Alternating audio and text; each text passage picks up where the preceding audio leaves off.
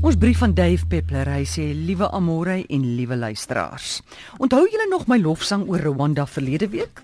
My boodskap van hoop en afwagting? Wel, ek kan julle verseker dat presies die teenoorgestelde emosies my getref het pas na ek in Rwanda aangeland het. Opdrifsels van stinkende rommel, net buite die lughawe vrot paaie opsigtelike ellende van plankdun mense wat in rommelhouers skrap bedelaars en krotwonings tussen hiperluukse hotels. Bedwelmd van skok het ek ons hotel binne gestap reguit na die kroeg geloop en 'n cappuccino bestel. Tussen hakkies waar's my drink daar waar ek 'n dubbel whisky kon bestel? 'n piepklein koffietjie verskyn met twee koekies gemaak van ekstra droë saagsels langsaan op die piering. Ek bekyk hierdie rekening R96. In my 67 jaar het ek nog nooit 7 dollar vir 'n koppie koffie betaal nie. Nog minder die R160 wat dit kos as dit na jou kamer geneem word. Jong, maar ek gryp die spyskaart. 'n Kaasburger kos R460, 'n stuk vis en chips meer as R850 en 'n bottel JC Leroux se vonkelwyn 'n stewige R880. My kamer, wag hier kom dit, kos R4200 'n nag. En nadat ons die aand saam geëet het, kom die rekening vir ons vier met slegs water as drankies op R7000 te staan. Maar is Angola dan nie een van Afrika se allerrykste lande nie met eindelose olie en gasbronne, strategiese minerale en diamante sonder einde nie? Het die Portugese, soos in Mosambiek, nie van die beste vrugte en groente in Afrika gekweek nie?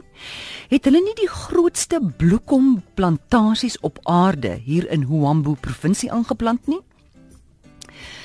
Gemeet aan die skelette van die eertydse lieflike geboue was die stede van Luando, Lobito en Benguela nie van die mees elegante aan die kus van Afrika nie? Om my kop skoon te kry, stap ek die stad binne. So wat van opgedamde vuilgoed, oopvloeiende rioolstrome langs die paadjies, honger mense het ek in my lewe nog nooit teëgekom nie. Terug by die hotel vra ek my gasheer uit oor die ondenkbare polarisasie tussen die rykes en die armes. Natuurlik, ek moes dit mos geweet het. Luanda dryf op 'n oseaan van olie. Stadig maar seker kom die stories nou uit. 'n Bitterdun kors van polities, en tradisioneel verkose mense het toegang tot hierdie rykdom. Mense kan net kyk na die luukse voertuie op straat, almal desperaat om slaggate, vrotwater en rommelhope te vermy. Daar is duur hotelle en uithangplekke en miskien die mees afstootlike simbool van hierdie onverdiende rykdom, 'n Boeing 747 volledig uitgerus met slegs een klas en dis eerste klas. Met hierdie monster vlieg die uitverkorenes oor die aarde op soek na nog luksus. Dit walg my tot in my diepste wese. Angola het van die hoogste baba mortaliteit op aarde, van die hoogste HIV aanwas. Selfs hul nasionale redery, Tag spog dat hulle addisionele vlugte na Kaapstad moes instel om kos in te vlieg. Kos? Ja, want op die hoteltafel staan heuning wat van Spanje ingevoer is en dit in 'n land oortrek met woude. Nou waar op aarde gaan soek mens antwoorde op hierdie absurde situasie? Wel, miskien moet mens begin by Jared Diamond se verbluffende boek Guns germs and steel.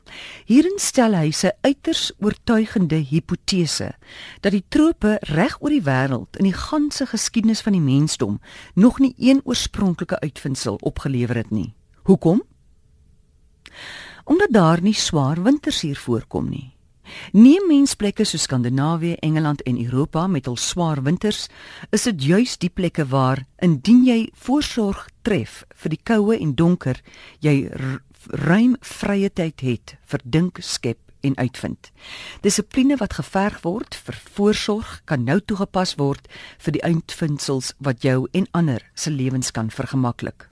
Die boek gaan natuurlik verder om te verduidelik hoe die wetend en onwetende gebruik van kieme die traject van volkere permanent verander het met die gebruik van verbeterde wapens daarbey. Koop die boek asseblief.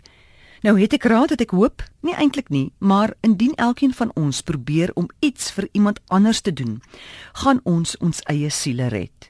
En dis meer as wat die gieriges en uitbuiters kan sê.